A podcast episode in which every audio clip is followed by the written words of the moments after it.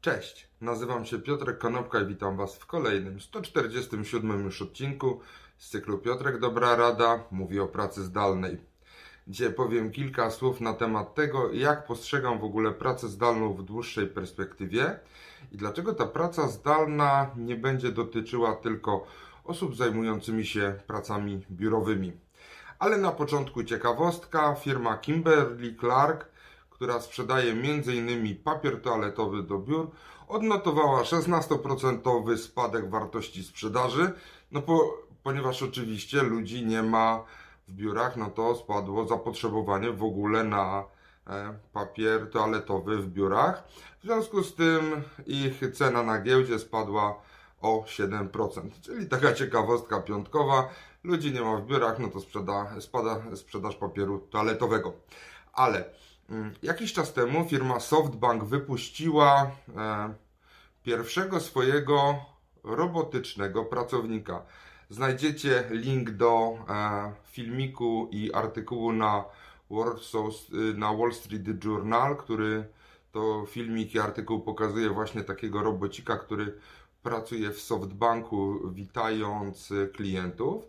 Jednak e, pojawia się coraz więcej robotów, i również na Wall, na Wall Street Journal pojawił się artykuł na temat tego, że e, nie tylko pracownicy biurowi będą zastępowani, e, czy będą mogli pracować zdalnie.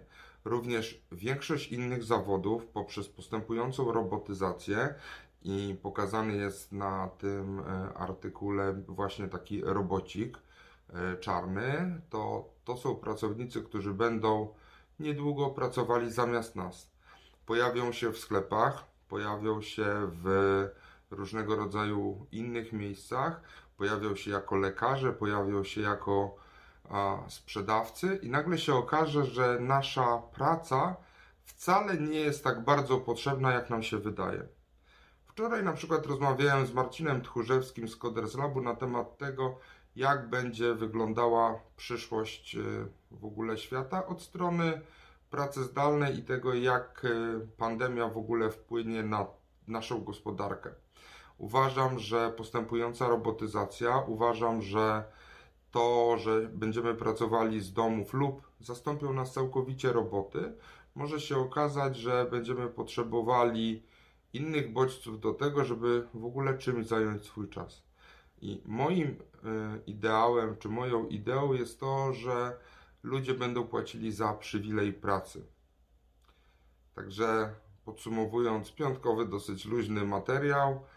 Spada sprzedaż papieru toaletowego do biur, a banki i sklepy w Japonii, przynajmniej na razie, wdrażają pracę zdalną, bo pracownicy obsługują roboty, a te roboty wykonują za nas pracę.